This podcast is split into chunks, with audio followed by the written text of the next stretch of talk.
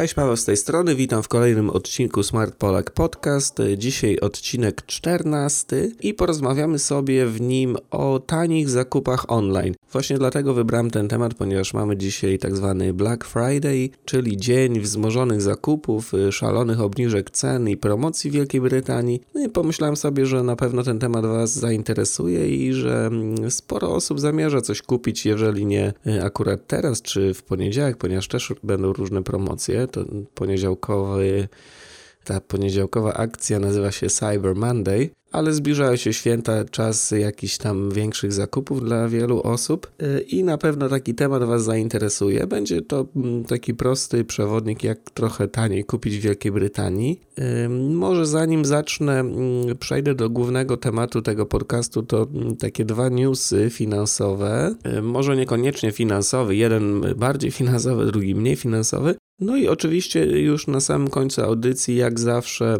odpowiem na Wasze pytania. Zanim rozpocznę, to jeszcze taka krótka uwaga techniczna. Jak zawsze, jeżeli chcielibyście skorzystać z jakichś linków albo dodatkowych informacji, to będzie je można odnaleźć e, we wpisie specjalnym na naszej stronie internetowej pod tym właśnie podcastem. I jeżeli chcecie dotrzeć do tej strony, to wystarczy, że wpiszecie w przeglądarkę internetową smartpolak.co.uk ukośnik SPP14 wylądujecie na stosownej stronie i tam będą wszystkie dodatkowe informacje. Ok, zacznijmy od tych dwóch newsów.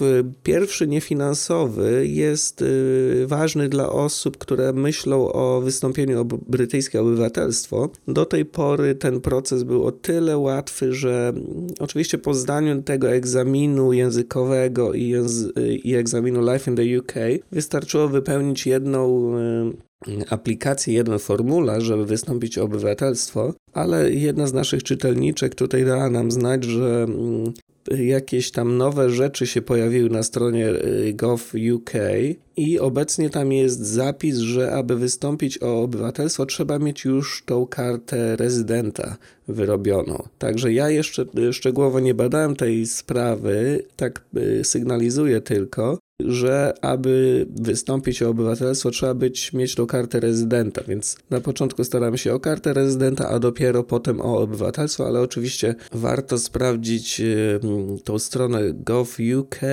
Podejrzewam, że w, samej, w samym formularzu i tych takich notatkach do formularza, jak go wypełnić, będzie ta informacja, także zwróćcie na to uwagę. No i my postaramy się szybko zaktualizować ten nasz wpis o zdobywaniu brytyjskiego obywatelstwa, bo, bo jest on dosyć popularny i no obecnie zawiera nie, nie do końca aktualne informacje. Drugi news, bardziej finansowy, dotyczy osób, które myślą o inwestowaniu w nieruchomości w Wielkiej Brytanii albo chcą kupić drugi dom. Tutaj pojawiło się mm, tak zwany Autumn Statement, czyli takie sprawozdanie ministra finansów y, on y, właściwie informuje dwa razy w roku, chyba teraz, o tym, y, jak budżet jest realizowany, jakie ma plany na przyszłość i w ogóle co zamierza. I tam pojawiła się informacja o wzroście tego podatku stamp duty od zakupu drugiej nieruchomości albo nieruchomości, którą zamierzamy potem komuś wynająć. Aktualnie chyba do ceny 125 tysięcy nie płaciliśmy nic. E, mówię tutaj o domach w Anglii i Walii, nie wiem dokładnie jak to wygląda w Szkocji. Natomiast od 2016, od kwietnia, jeżeli dom wartość domu nie przekroczy 125 tysięcy funtów, to zapłacimy 3% takiego podatku od e, zakupu nieruchomości. Domy o wartości 125-250 tysięcy to już będzie 5%. No już właściwie nie będę mówić o tych kolejnych progach tego podatku. Do obecnych stawek musimy doliczyć zawsze 3%. Także to jest niezbyt chyba korzystna wiadomość dla, dla inwestorów nieruchomości. Albo może, jeżeli ktoś się zastanawia, no to, no to taka wskazówka, żeby się pośpieszył i żeby kupił dom przed kwietniem 2016 roku. Jest jeszcze chwilę czasu, także może się to uda. Oczywiście tutaj to jest taka u mnie zdawkowa informacja i warto sobie trochę przeczytać więcej na ten temat. Dobrze, wracamy y, do naszego głównego wątku, czyli tanich zakupach online. Mówię tutaj o, o, zakupach w internecie, ponieważ tak z reguły jest y, taniej. No nie jest to jakąś stuprocentową regułą, zdarzają się wyjątki. Niemniej jednak wiadomo, że sklepy internetowe mają niższe koszty jakiegoś tam magazynowania, mogą gdzieś w jakimś szczerym polu te produkty wszystkie trzymać, a nie w, powiedzmy w centrum miasta i niejako z reguły mają niższe ceny. Spróbuję to w kilku punktach y, omówić, jak skutecznie kupować trochę taniej w internecie tutaj w Wielkiej Brytanii. Część z tych zasad na pewno ma taki bardziej uniwersalny charakter, ale część będzie specyficzna już tutaj dla rynku brytyjskiego. Pierwsza zasada może trochę brzmi niezbyt rozsądnie na pierwszy rzut oka, ale jest na pewno najskuteczniejsza. No, ja dochodzę do takiego wniosku, że najlepszym sposobem na oszczędzanie pieniędzy jest ich po prostu niewydawanie. Czyli zanim w ogóle zaczniemy szukać, gdzie kupić jakiś przedmiot, no spróbujmy przez chwilę się zastanowić, czy rzeczywiście go potrzebujemy. Jak tak teraz rozglądam się po swoim domu, no to widzę całkiem sporo różnych przedmiotów, z których zupełnie nie korzystam i których zakup był jakimś błędem w pewnym sensie. No, tutaj nie, nie wzywam do jakiegoś yy, kurcze estetycznego życia, yy, nic podobnego, ale, ale jakaś refleksja e, nad tym, co rzeczywiście nam potrzeba. No, no nie potrzeba nam za wiele w sumie, no każdy o tym wie. Natomiast yy, pewien jakiś taki umiar i jakiś zdrowy rozsądek w tych zakupach jest jak najbardziej wskazany, tak mi się wydaje przynajmniej. To jest taka dygresja może bardziej filozoficzna, ale myślę, że, że może Wam się przyda. Ja w każdym bądź razie w swoim życiu stosuję kilka takich różnych zasad, które dobrze wpływają na moje finanse. Pierwszą z tych zasad jest taka zasada używalności. Staram się kupować jedynie rzeczy, których będę używać. Wiemy, że można mieć z tym spory problem. Chyba ubrania tutaj są e, świetnym przykładem. Wiele osób kupuje masę ubrań, e, butów na przykład, z których de facto no, nigdy nie korzystają, nigdy nie ubierają się w te ubrania one gdzieś tam e, gniją w szafie, po czym są wyrzucane albo oddawane do charity shops. E, oczywiście takich kategorii przedmiotów jest znacznie więcej, nie tylko ubrania, chyba sprzęt taki do ćwiczeń różny jest też często e, popada w zarasta kurzem i nie jest używany. Zauważcie, że część osób ma już tyle, tyle tych różnych rzeczy nagromadzonych, że nawet powstały firmy, które przechowują nam te rzeczy, czyli kupujemy całą masę przedmiotów zupełnie niepotrzebnych i potem jeszcze płacimy firmie za składowanie ich y, poza domem, no bo w domu już się nie mieszczą. Także tutaj y, warto się zastanowić trochę. Druga taka zasada, może tak już bardzo szybko, którą również stosuję, polega na tym, że staram się nie wyrzucać rzeczy, które jeszcze działają, jeszcze są sprawne. Wiemy, że technologia, y, technika szybko idą do przodu i że telewizor, który kupiliśmy kilka lat temu, już no, odbiega od dzisiejszych standardów. Niemniej jednak w moim wypadku, jeżeli on działa, jeżeli jest sprawny, jeżeli lodówka y, robi swoją robotę, czyli tam chłodzi rzeczy, jeżeli kuchenka działa, być może nie wygląda naj, najlepiej, ale spełnia swoją funkcję, także czekam aż coś tam się zepsuje w danym urządzeniu i dopiero wtedy kupuję nowe. Tak samo z ubraniami, z butami, jeżeli coś mi się zepsuje, jakieś buty powiedzmy, wyrzucam i kupuję nową parę, natomiast nie, nie kupuję szóstej, siódmej, ósmej i dziesiątej pary. No bo po prostu raz, że nie ma takiej potrzeby, dwa, że nie mam miejsca za bardzo w domu na, na składowanie różnych rzeczy. W sumie to jest całkiem przyjazne do, dla mojego portfela również. Y, to samo z samochodem. Słuchajcie, jeżdżę starym 15-letnim samochodem, który od czasu do czasu nam się psuje, ale nic się nie stało właściwie do tej pory poważniejszego. Serwisuję go co roku. Nie wygląda on y, zbyt może najlepiej. Żona trochę sygnalizuje, że, że już trzeba coś się zastanowić nad jego wymianą, no ale ja mówię jej w, w takiej sytuacji, słuchaj, możesz jutro y, udać się do salonu i sobie kupić nawet nowy samochód, natomiast ja tutaj zdradzam trochę nasze sekrety rodzinne, ale, ale słuchajcie, no nie jestem przygotowany na to, żeby ciężej jeszcze pracować, żeby mieć ładniejszy samochód, y, skoro mój obecny jest sprawny, no i na, nadal jeździ, możemy nim się poruszać y, bezpiecznie, zdaje wszystkie moty, także, także nie ma problemu. Y, słuchajcie, ostatnia już naprawdę obiecuję zasada Pawła Kłosińskiego, tak to nazwijmy, polega na tym, że staram się kupować rzeczy trochę lepszej jakości. Oczywiście tutaj trzeba rozróżnić, bo jest ta dyskusja o tak zwanych brand, czyli czy rzeczy markowe, warto kupować rzeczy markowe. No, no ja staram się jednak y, zwracać uwagę na jakość, a nie na markę. Nie zawsze to idzie w parze, ale słuchajcie, jeżeli kupicie jakąś y, może nawet droższą trochę rzecz, ale lepszej jakości, to przede wszystkim ona więcej wytrzyma, dłuż, dłużej wytrzyma, a po drugie jest większa szansa, że będzie Wam się podobała i będziecie z niej częściej korzystać. Dlatego mm, osobiście staram się mm, kupować y, no niekoniecznie najtańsze rzeczy, ale rzeczy solidnie wykonane, ładnie wyglądające, które posłużą kilka lat. Dobrze, no to już zamknijmy ten pierwszy punkt, bo, bo trochę ta dygresja by przebiegła w jakimś innym kierunku od zamierzonego, i, ale wróćmy właśnie do y, tańszych zakupów online. Drugi punkt mówi o tym, żeby po prostu porównywać ceny. Wiele osób y, albo ma jakieś wyobrażenia, że dany sklep jest na przykład tani, albo mm, jest przyzwyczajona do danego sklepu i wchodzi sobie do tego sklepu online i kupuje daną rzecz. Tymczasem no, nie jest nigdzie powiedziane, że nie ma jakiejś lepszej ceny gdzieś y, w innym sklepie. Y, ten e-commerce się rozwija bardzo dynamicznie, jest naprawdę dużo różnych ciekawych sklepów, które często się specjalizują w danym asortymencie i, i mogą mieć naprawdę niż, niższą cenę. Poza tym, słuchajcie, no działamy w internecie, nie musimy jeździć fizycznie od sklepu do sklepu, żeby sprawdzać jakieś tam ceny. Nie, wystarczy albo możemy wejść do różnych sklepów online, co trwa naprawdę chwilkę, albo możemy nawet zrobić porównanie na jakiejś stronie internetowej.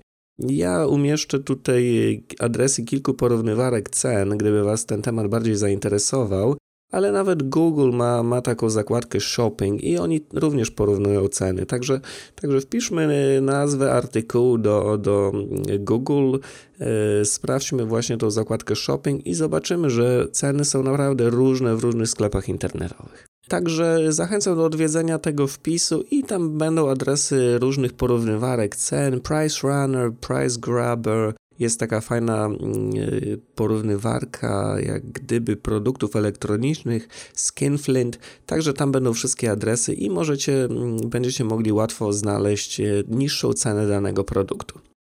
Ok, kolejny punkt, trzeci, to korzystanie ze stron z promocjami i czyhanie na, na różne okazje.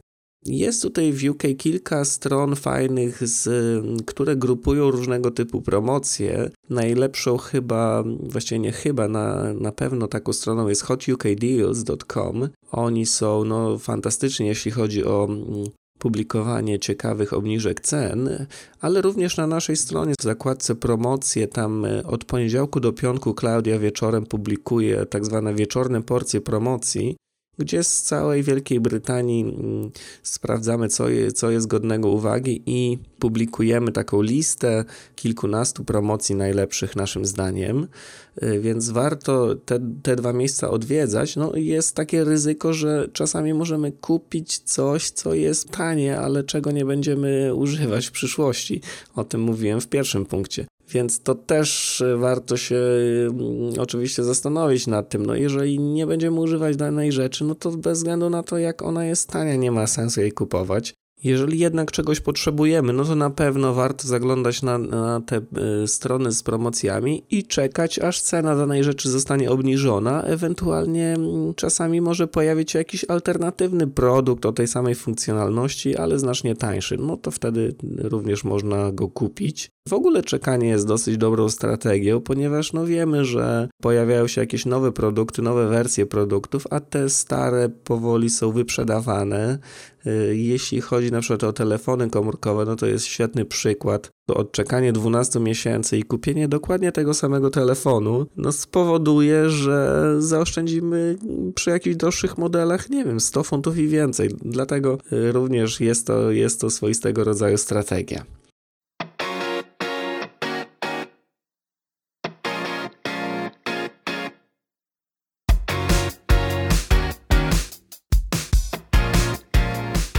Ok, punkt kolejny, chyba czwarty już, to korzystanie z kodów promocyjnych. Na pewno jak kupowaliście online, to yy, zauważyliście czasami w koszyku zakupów takie okienko yy, promo code, promotion code, coś, coś w tym stylu. No, jeżeli coś takiego jest, to oznacza to, że dany sklep y, stosuje różnego rodzaju promocyjne kody. No, oczywiście z powodów marketingowych, mm, ale te kody obniżają cenę zamówienia. Czasami niektóre z nich na przykład y, spowodują, że nie zapłacimy za koszty wysyłki, niektóre obniżą cenę całego koszyka, niektóre obniżą cenę danego produktu. I oczywiście warto wtedy niejako wstrzymać się z zakupem, bo, bo to okienko, gdzie możemy wpisać kod jest sygnałem dla nas, że być może jakiś kod aktualnie jest e, dostępny, który może zmniejszyć nam cenę zakupów. Więc e, zatrzymujemy się w tym momencie, otwieramy sobie zakładkę drugą, no i musimy znaleźć ten kod. Możemy po prostu wpisać nazwę sklepu i promo code i wtedy się pojawią jakieś wyniki, ale może ja tutaj szybko podam też kilka takich adresów y, stron internetowych, które właśnie publikują różne kody promocyjne. No właściwie już wspominałem Hot UK Deals, tam są głównie promocje, ale również y, pojawił się, mm, jest sekcja z kodami promocyjnymi, także można tam y, znaleźć coś. Kolejne adresy adresy to vouchercodes.co.uk, następnie myvouchercodes.co.uk, vouchercloud.co.uk i ostatnia dosyć dobra to również voucherking.co.uk. Właściwie to obojętnie, one mają te same kody promocyjne, ale jeżeli właśnie zauważycie w koszyku zakupów miejsce na jakiś voucher albo promo code, to warto odwiedzić tą stronę i sprawdzić, czy coś jest dostępne. Jeżeli tak, no to oczywiście y, kopiujemy sobie y, ten kod do pamięci podręcznej komputera, wklejamy go do tego miejsca w koszyku zakupów, no i na pewno tam jest jakiś przycisk, żeby go użyć, no i sprawdzamy, czy cena rzeczywiście się obniżyła. Część z tych kodów nie jest już y, aktualna i nadal gdzieś tam, gdzieś tam jest wyświetlana, dlatego nie zawsze jest to skuteczne, ale czasami naprawdę udaje się obniżyć cenę o kilkanaście nawet procent. Dlatego z pewnością warto skorzystać y, z tej metody. Piąty i ostatni punkt na naszej liście to korzystanie z takich stron typu cashback. Już mówiłem chyba o nich w jednym z y, poprzedniej audycji. Są to specjalne strony, które umożliwiają nam odzyskanie części wydanych pieniędzy na zakupy. Brzmi to trochę mm, jakoś podejrzanie, może i zaskakująco, ale rzeczywiście tak jest. Zdarza się, że możemy daną rzecz kupić na stronie internetowej wprost od producenta albo od y, usługodawcy i zapłacić powiedzmy 100% y, danej ceny, natomiast ta sama rzecz czy ta sama usługa kupiona przez stronę cashback, takie zakupy spowodują, że część z tych wydanych pieniędzy, kilka, czasami nawet kilkanaście procent, wróci do nas z powrotem, nawet w postaci gotówki. Największe dwie strony w Wielkiej Brytanii tego typu to Quidco i topcashback.co.uk, dlatego y, można się tam zarejestrować i zakupy są bardzo łatwe. No wystarczy wejść na taką stronę cashback, zalogować się na swoje konto, y, sprawdzić jakieś tam dostępne oferty i jeżeli coś nas zainteresuje, klikamy w specjalny link lądujemy na stronie docelowej i tam dokonujemy zakupów. Jeżeli klikniemy w ten link specjalny, to w naszych ciasteczkach, y, w, właściwie nie w naszych, tylko w ciasteczkach y, przeglądarki internetowej zapisze się informacja, że y, przeszliśmy z tej strony właśnie cashback, no i właściciel docelowej strony internetowej będzie o tym wiedzieć. Zapłaci stronie cashback pewną prowizję za przyprowadzenie klienta, jak gdyby, natomiast ta strona ona wypłaci nam albo całość, albo część z tych pieniędzy.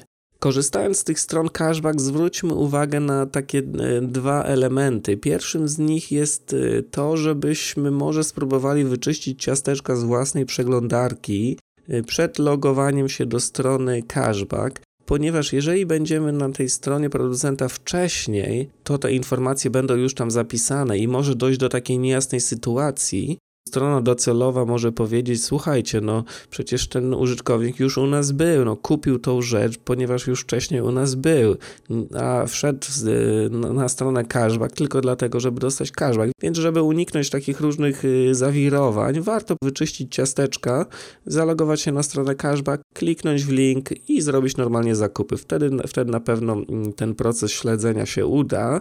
E, druga wskazówka, jeśli chodzi o użytkowanie mm, tych stron cashback, polega na tym, żeby nie czekać, jeżeli ten cashback nam się już zaczyna zbierać, to żeby maksymalnie szybko go przekazywać na własne konto albo wybierać w postaci jakichś voucherów, bo, bo nie wiemy, czy, czy te firmy będą na rynku w nieskończoność. Y, lepiej te pieniądze odzyskiwać jak najszybciej.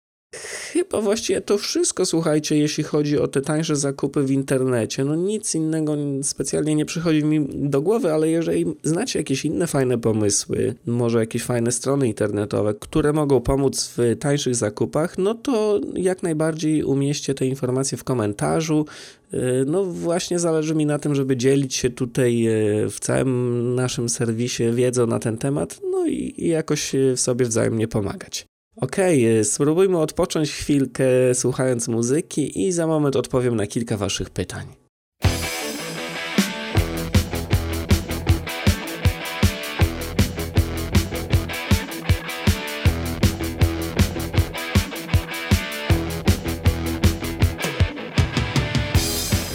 Hej, witam ponownie. Przypomnę może od razu, że jeżeli macie jakieś pytania, to możecie wysłać mi maila y, pod adres info.smartpolak.co.uk albo skorzystać z formularza kontaktowego na naszej stronie. On jest dostępny w zakładce kontakt. Y, no i ostatnim sposobem jest po prostu zostawienie komentarza pod jakimś tam wpisem w naszym serwisie. Również y, czasami odpowiadam na tego typu pytania.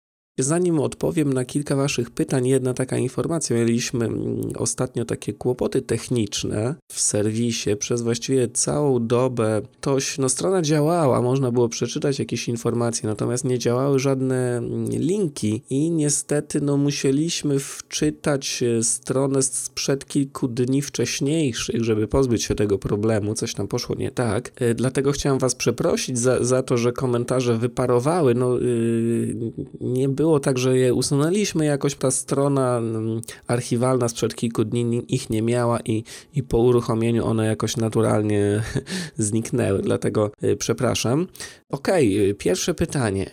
Właściwie są to dwa pytania od jednej osoby i oba mm, dotyczą prowadzenia firmy w UK ktoś jest w takiej sytuacji, że mm, ma taką pracę sezonową, jest self-employed powiedzmy i ma jakieś zlecenia przez pół roku, natomiast przez pół roku jest głucha cisza i ta osoba zastanawia się, czy warto zamknąć y, działalność na pół roku i otworzyć ją ponownie po pół roku. Wydaje mi się, że ponieważ te składki, właściwie nie zarabiając nic, płacimy tylko te składki National Insurance i jeżeli nasze zyski w ogóle przekroczą 6, 5965 funtów w roku i te składki druga klasa to jest 2 funty 80 tygodniowo, czyli około 72 y, funtów y, ten okres opłacenia składek przez pół roku wynosi.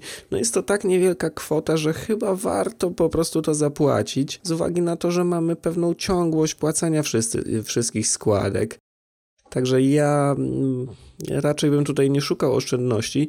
Poza tym, no słuchajcie, no jeżeli nie ma jakichś zleceń przez pół roku, no to chyba nie ma sensu siedzieć z założonymi rękami i czekać na wiosnę, czy tam na jesień, nie wiem jaki, jakiego typu jest to biznes, tylko trzeba po prostu działać chyba i rozwijać jakąś inną, może, może troszeczkę inny profil zmienić tej działalności, albo rozpocząć coś zupełnie innego pod tym samym szyldem, tak żeby pracować przez cały rok ta sama osoba, mm, chyba Olek ma na imię, Olek więc pyta mm, o drugą kwestię, mianowicie o to, jak długo możemy pracować, wykonywać jakiś tam, działać w jakimś biznesie, nie informując urzędu skarbowego o tym, że działamy.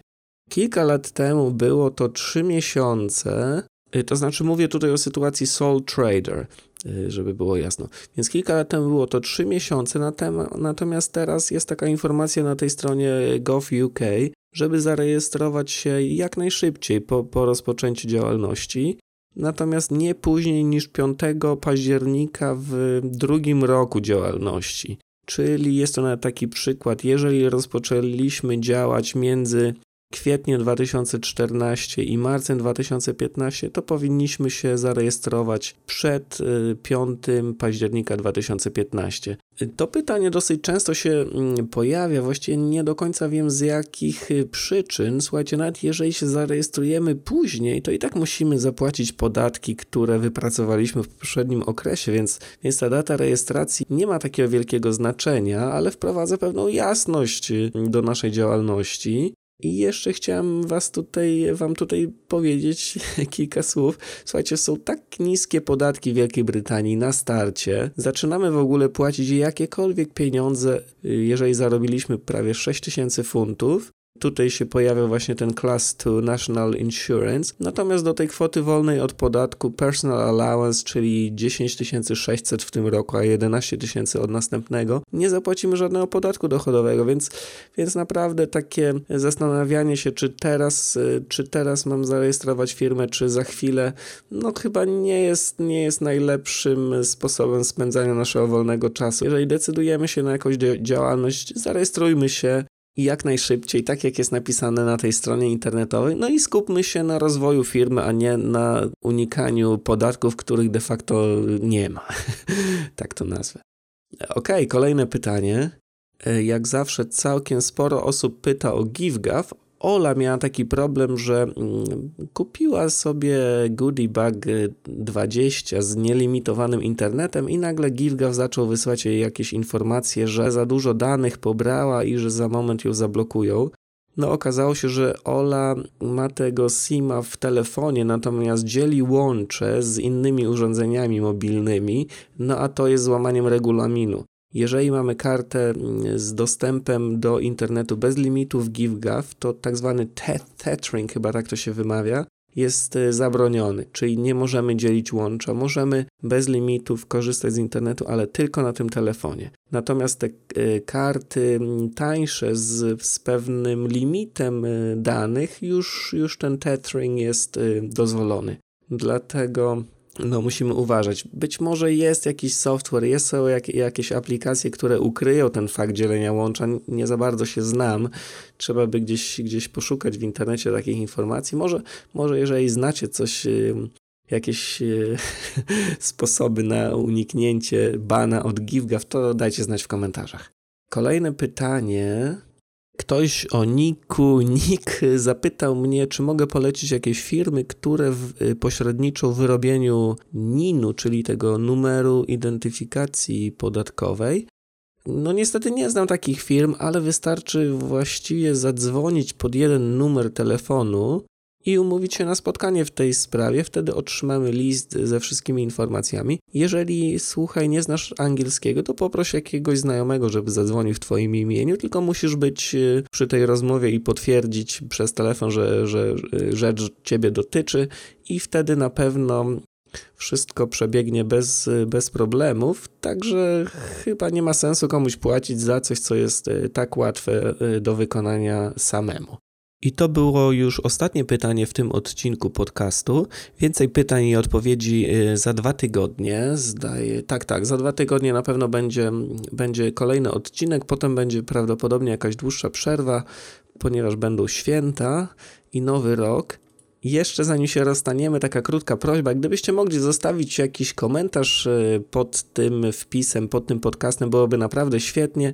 Bardzo się cieszę z każdego głosu, z każdego pytania, nawet e, opinii niezbyt e, pozytywnej, ale merytorycznej. Także zachęcam Was do, do wzięcia udziału w jakiejś dyskusji i yy, wyrażenia swojej opinii o tym podcaście. Robiąc to, niejako wysyłacie mi sygnał i wiem, co Wam się podoba, co Wam się nie podoba, co mogę zrobić lepiej, a czego nie powinienem robić w ogóle. To tyle. Dzięki wielkie za uwagę. Spotykamy się za dwa tygodnie. Tymczasem trzymajcie się miłych zakupów i udanych w czasie Black Friday dzisiejszego i Cyber Monday za kilka dni i do usłyszenia niebawem. Cześć!